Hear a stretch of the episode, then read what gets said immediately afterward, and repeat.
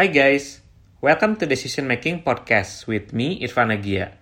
Sebuah podcast tentang bagaimana kita bisa lebih baik dan juga lebih bijak dalam mengambil keputusan dalam kehidupan kita sehari-hari. Dibahas dari berbagai perspektif, terutama keilmuan psikologi dan behavior science. Karena hidup adalah akumulasi dari pilihan-pilihan yang kita ambil.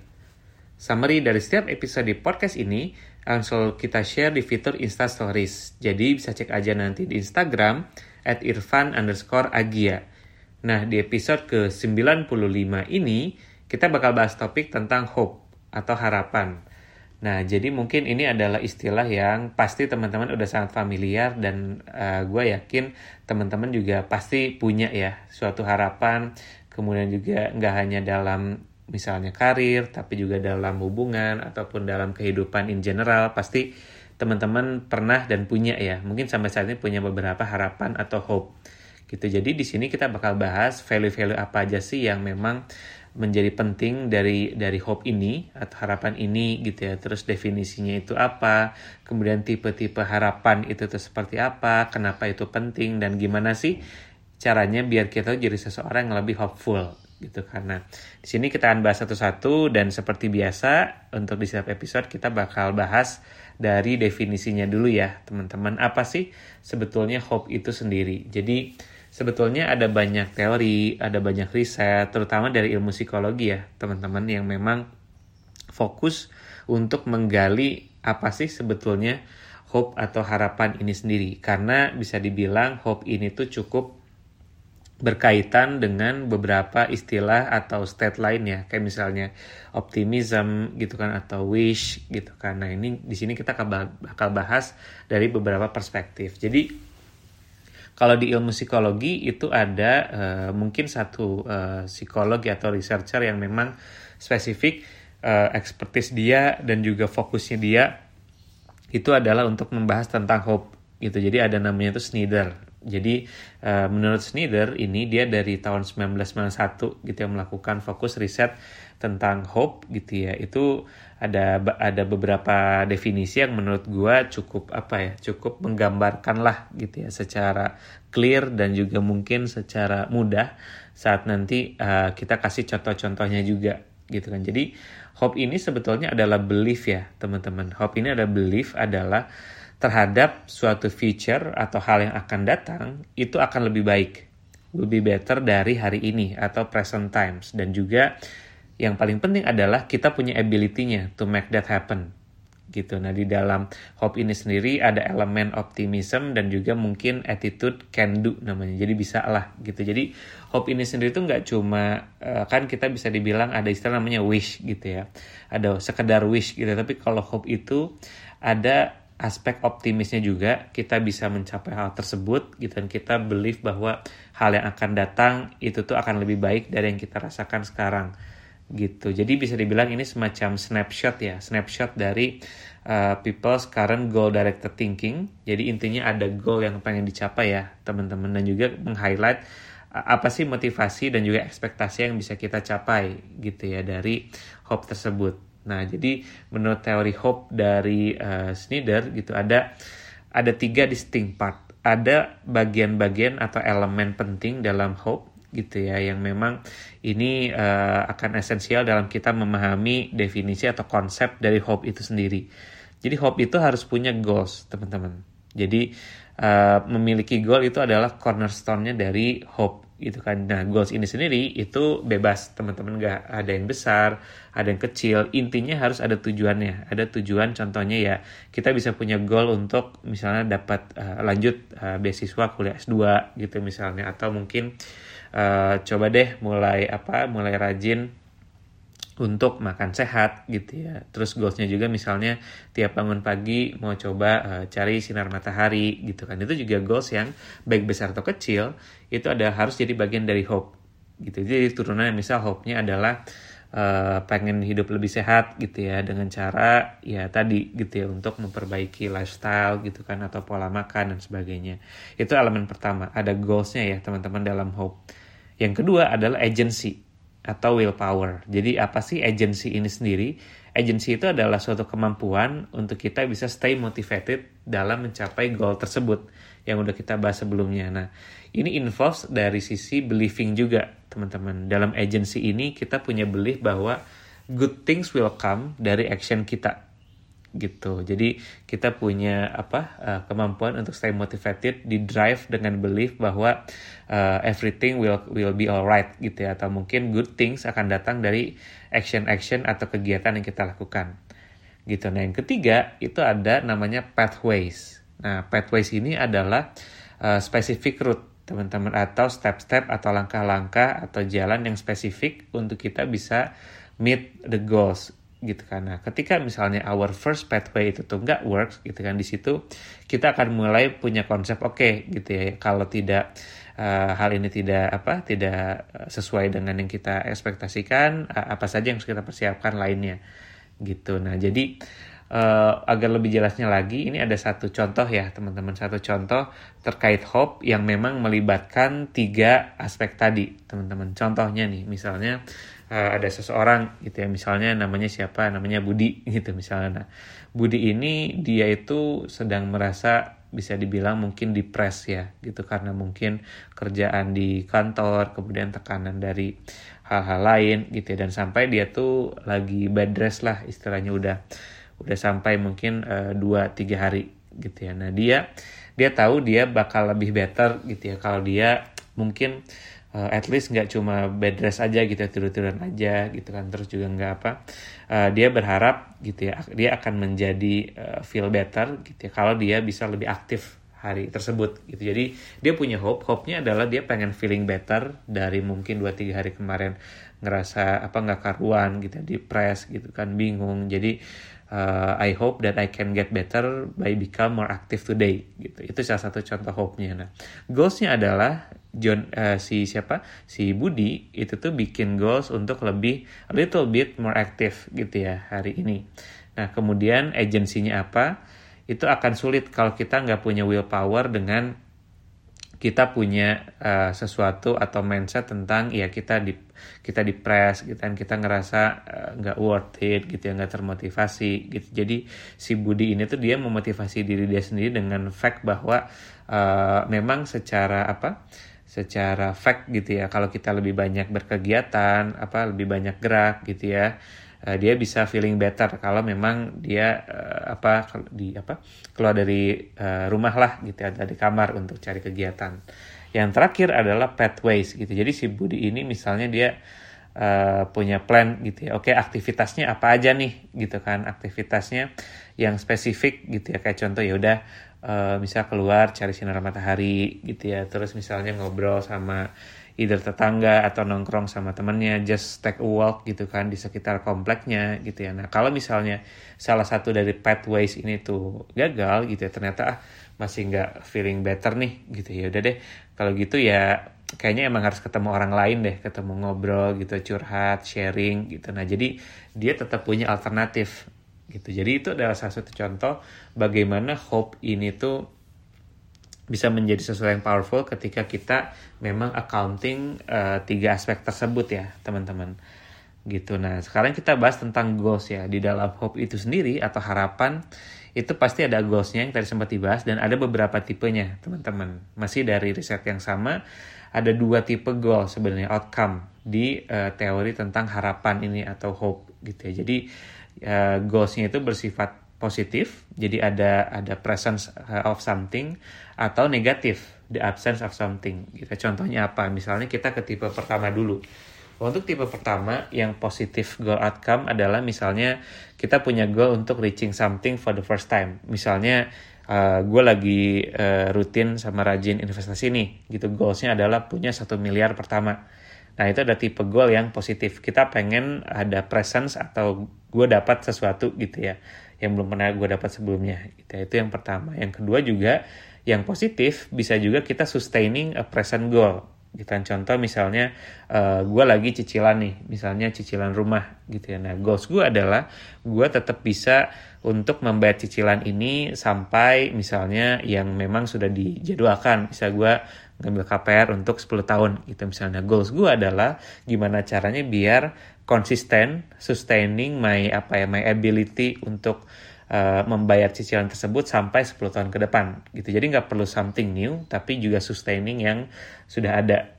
Gitu ya. Terus juga bisa jadi positive goalsnya juga uh, yang ketiga adalah increasing something that already began misalnya adalah dari sisi gaji gitu. Misalnya oh ya udah gaji gue tahun ini misalnya 6 juta gitu ya. nah tahun depan gue pengen increase that gitu. Increase that uh, misalnya menjadi uh, 7 juta atau 8 juta. Dengan cara apa? Uh, hopefully gue bisa uh, dapat promosi gitu. Misalnya nanti goalsnya apa aja kemudian cara untuk bisa gue dapat promosi seperti apa gitu nah itu adalah contoh-contoh goals yang bersifat positif Nah, tipe kedua bisa juga nih teman-teman. Kita bikin goals untuk yang sifatnya tuh negatif. Negatifnya sendiri bukan outcome-nya tuh jadi jelek ya teman-teman, tapi ada absence of something. Gitu contohnya misalnya uh, goals-nya untuk avoiding something to happen. Misalnya kita avoid to getting sick gitu kan. Jadi ya udah uh, kita fokus misalnya uh, perbanyak makan buah gitu ya, makan sayur, terus misal perbanyak olahraga dengan hope, dengan harapan gitu ya, kita avoiding getting sick gitu misalnya. Gitu kan atau juga uh, apa? Misalnya kita juga punya harapan untuk uh, deterring something so that is delayed gitu. Contohnya misalnya saat ini kita uh, lagi ada masalah keuangan gitu ya misalnya. Nah, terus kita lagi ada apa cicilan gitu ya misalnya. Nah, kita as untuk payment extension misalnya. Jadi biar kita tuh uh, saat itu nggak perlu bayar billnya dulu gitu misalnya. Yaudah dengan cara apa? Misalnya uh, apa menjelaskan ya tentang keadaan keuangan gitu ya. Terus juga kemudian uh, apa uh, agensinya ada will powernya gimana caranya kita tetap bisa uh, apa menunjukkan kita akan bayar tersebut itu tuh udah ada plannya itu contohnya jadi memang uh, hope pun juga bisa dengan yang negatif goal outcome gitu ya. Nah, kemudian tadi sempat dibahas juga ya teman-teman di awal hope ini sendiri itu bakal bersinggungan dengan beberapa istilah-istilah lain atau state-state lain. Contohnya tentang emotion gitu ya. Apakah si hope ini tuh adalah suatu emosi kita gitu, atau emotion. Nah, while harapan atau hope ini tuh memang certainly involves emotion, gitu, pasti kita ada emosi yang terlibat lah saat kita uh, memiliki harapan gitu. Tapi hope itu sendiri it's not an emotion ya teman-teman. Jadi hope ini sendiri adalah way of thinking sebenarnya atau a state of being. Jadi hope ini sebetulnya bisa kita uh, ajarkan gitu ya. Kita bisa mengajarkan seseorang untuk bisa lebih hopeful. Kenapa? Karena it's not an emotion. Kan kalau emotion kan nggak bisa kita apa banyak kontrol gitu ya. Tapi kalau when it comes to state of thinking, state of being, kita bisa mengajarkan gitu kan. Jadi itu juga kita bahas juga apa sih bedanya dengan wish gitu kan. Nah, hope juga itu berbeda dengan wish gitu ya, cuma wishful thinking istilahnya. Kenapa? Karena kalau hope itu sendiri itu punya uh, apa action towards a goal gitu kan. Di mana kalau wish itu sendiri itu mostly out of our control gitu kan. Contoh misalnya ya kalau kita lagi di tempat makan gitu ya. Misalnya aku berharap uh, makanannya itu nanti masih anget gitu ya. Misalnya pas di pas di dapurnya uh, lebih lama gitu masaknya that's actually a wish sebenarnya teman-teman. Karena you have no control over it kan sebenarnya gitu ya. Jadi ya bagaimana mereka masak gitu kan. Kecuali memang kita udah riset dulu udah tahu banget nih masakan di tempat ini seperti apa gitu. Tapi ketika konteksnya itu tuh a lot of things that's out of our control itu adalah wish sebenarnya teman-teman Nah, kemudian optimism juga gitu. Apakah hope itu sama dengan uh, optimisme gitu kan? It's true that uh, optimisme itu tuh punya a lot in common dengan hope karena orang yang hopeful itu memang uh, optimis gitu ya, bisa apa tercapailah gitu ya harapannya gitu kan.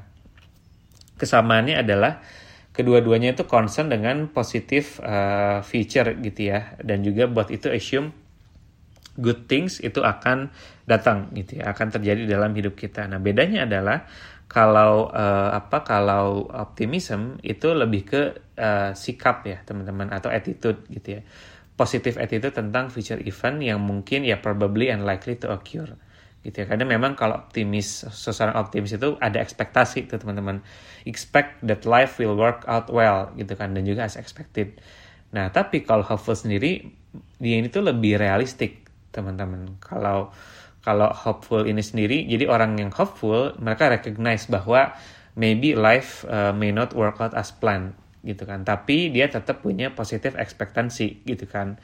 Seperti itu. Jadi yang membedakan adalah biasanya kalau optimis itu ada ekspektasi gitu kan. Dia percaya gitu ya. Dia believe dia expect bahwa something will be good orang optimis. Tapi kalau yang hopeful uh, mereka ini adalah orang yang menyadari juga bahwa uh, life itu tuh something yang uh, realistik sebetulnya teman-teman gitu. Nah ada juga beberapa tipe dari hope nih teman-teman. Yang pertama masih nyambung dari yang sebelumnya yaitu realistic hope. Jadi realistic hope ini adalah suatu harapan yang uh, memiliki outcome yang lebih uh, reasonable gitu atau mungkin uh, lebih uh, realistik lah gitu ya. Jadi kayak contoh misalnya kalau seseorang itu tuh dia uh, suffering from uh, chronic pain gitu misalnya. Nah dia dia tuh berharap mungkin uh, dia berharap bahwa mungkin nggak si penyakitnya ini atau sakitnya itu nggak akan uh, langsung full hilang gitu, nggak akan hilang uh, selamanya. Tapi at least dia tuh hope uh, akan ada uh, reduction dari pain dia gitu ya dari kesakitan dia tuh bisa berkurang gitu. Karena dia tahu bahwa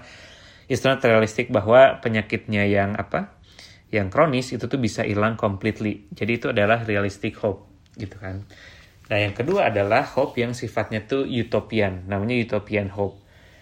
Nah, utopian hope ini adalah a way of hoping something yang sifatnya tuh lebih kolektif, teman-teman, lebih ke kolaboratif di mana kita hope something yang bisa uh, bagus untuk all atau untuk uh, apa uh, komunitas kita, untuk negara kita gitu atau untuk dunia gitu ya misalnya. Jadi uh, kayak contoh misalnya kita berharap gitu kan bahwa uh, nanti ke depannya uh, kita tuh punya misalnya punya universal basic income gitu misalnya. Jadi semua orang itu tuh fair gitu kan punya apa modal yang sama punya apa punya saat yang sama. Itu contoh utopian hope gitu kan. Nah kemudian yang ketiga ada juga hope yang namanya transcendent hope gitu transcendent hope ini tuh ada beberapa juga dibagi lagi gitu ya. Jadi ada patient hope. Patient hope ini tuh adalah hope that everything will work out well in the end. Gitu. Mungkin saat ini nggak bagus gitu ya, tapi kita punya uh, harapan gitu ya. at the end of the day gitu ya if it's not uh, good it's not the end lah istilahnya gitu jadi hope that everything will always work out uh, in the end kemudian yang kedua ada generalized hope. Ini adalah hope yang dia tuh gak directed towards specific outcome. Jadi udah gue berharap uh, dunia ini lebih baik deh gitu kan. Uh, tapi dia nggak nggak apa nggak spesifik. Lebih baiknya dalam hal apa? Dari sisi ekonomi dari sisi apa? Eh, nggak uh, ada perang lagi gitu misal. Atau dari sisi apa? Itu very general gitu kan. Nah itu adalah beberapa contoh dari transcendent hope gitu. Nah sekarang kita bahas nih teman-teman. Apa sih benefitnya untuk kita tuh punya harapan punya hope gitu ya. Karena uh, mungkin di uh, a lot of uncertain times gitu it's hard it's difficult to have a good hope gitu kan. Nah tapi banyak banget sebetulnya teman-teman benefit untuk kita tuh punya hope atau harapan. Karena udah banyak banget risetnya yang nunjukin bahwa orang-orang yang punya high hope gitu ya mereka tuh lebih uh, apa less stressful ngeliat situasi gitu kan lebih optimis gitu ya jadi ketika ada kesulitan pun atau stressful situation mereka ngelihatnya sebagai suatu challenge dibandingkan sesuatu yang threatening gitu kan jadi ini akan mereduksi intensity dari uh, dia merasa apa stress lah ya seperti itu dan juga memang selalu terkait dengan overall life satisfaction. Jadi orang hopeful, mereka view life, kehidupan tuh lebih positif gitu ya. Nah, tapi juga ada nggak sih positif apa potensial negatif efeknya juga ya pasti ada juga ya teman-teman. Karena sesuatu yang berlebihan juga pasti nggak baik. Ketika uh, kita berbicara tentang hope, ada juga istilah itu false hope ya teman-teman gitu kan. Jadi memang ada kita mengeneralisasi gitu ya, atau kita punya unrealistic expectation tentang harapan kita itu juga bisa masuk ke kategori jadi false hope gitu ya. Nah, ada beberapa tips juga gitu ya teman-teman biar kita tuh jadi lebih hopeful gitu karena good newsnya adalah seperti tadi yang dibahas karena hope itu is not an emotion tapi way of thinking, state of being itu tuh bisa is a learned skill. Itu adalah suatu skill yang bisa kita pelajari biar kita punya a better perspective towards our, our world gitu dan juga terhadap diri kita sendiri. Kalau kita punya hope gitu kan. Jadi yang pertama uh, we need to apa uh, membiasakan diri untuk melakukan visualisasi misalnya gitu ya. We need to visualize the success we want gitu ya and resultnya itu seperti apa untuk achieving our goals gitu. Kan kita comes up with as many details as possible gitu kan. Kita memvisualisasikan gitu ya. Terus yang kedua think our goals itu sebagai sesuatu yang uh, apa uh, exciting challenge gitu kan. Jadi seperti yang tadi sempat dibahas, orang yang hopeful itu menganggap sesuatu yang stressful gitu, adversity itu tuh sebagai suatu challenge dibandingkan sesuatu yang threatening. Jadi gimana caranya kita juga bisa menganggap apa yang akan kita hadapi di kemudian hari di beberapa tahun ke depan, beberapa bulan ke depan, it's uh, it frame it as a challenge gitu kan. Kita juga bisa try to be more flexible, try to be creative gitu kan saat kita membahas pathways gitu kan. Kita juga bisa coba nggak cuma satu apa route doang. Yang kita believe itu bisa jadi sesuatu yang membuat kita sukses gitu, tapi mungkin ada alternatif lain juga gitu kan. Dan kita juga perlu expect teman-teman akan ada roadblocks atau ada something yang bikin kita tuh jadi blocker lah gitu ya. Kenapa? Karena most things of value itu don't come easily ya teman-teman sama satu hal yang apa terakhir mungkin yang menurut gue itu penting adalah we can turn to humor teman-teman. Ketika kita apa uh, feeling hopeless ketika kita ngerasa apa uh, sesuatu tidak sesuai yang kita harapkan kita hopeful kan gitu ya. Kita bisa bisa watch funny movie gitu ya, atau mungkin apa ya try to apa ya uh, laugh at ourselves gitu kan. Karena gue pribadi orang yang believe bahwa if apa if you find something that can make you laugh you win gitu kan. Karena uh, tipe apa ya gue bisa bilang tipe orang yang paling legowo gitu yang paling apa uh, level tertinggi dalam embracing something adalah ketika even you can make a jokes about yourself gitu kan. You can make a jokes about it. Jadi uh, I think we can also turn to humor gitu kan dan yang paling penting adalah yang terakhir gain strength from others juga gitu ya teman-teman. So I think that's all teman-teman uh, perspektif tentang hope gimana kita bisa lebih hopeful gitu ya kemudian kenapa kita tuh why harus kita hopeful gitu kan. Semoga memberikan perspektif uh, untuk teman-teman gitu ya di episode kali ini. So sampai jumpa di episode selanjutnya. Dan di episode selanjutnya gue bakal bahas tentang kebalikannya hope gitu ya. Mungkin fear gitu ya. What kind of fear gitu kan. Apa yang bisa membuat kita tuh fearful terhadap sesuatu. How can we handle it? Kita bakal bahas di episode selanjutnya. So uh, sampai jumpa teman-teman di episode ke 96 kalau ada request atau masukan tentang feedback gitu ya atau mau uh, topik baru please email atau message gue di Instagram at irfan underscore agia. Kalau teman-teman merasa topik di podcast ini berguna atau memberikan wawasan baru please do share it to others. Bisa bagikan link konten podcast ini di Instagram because sharing is caring. Say thank you and see you in the next week. Bye bye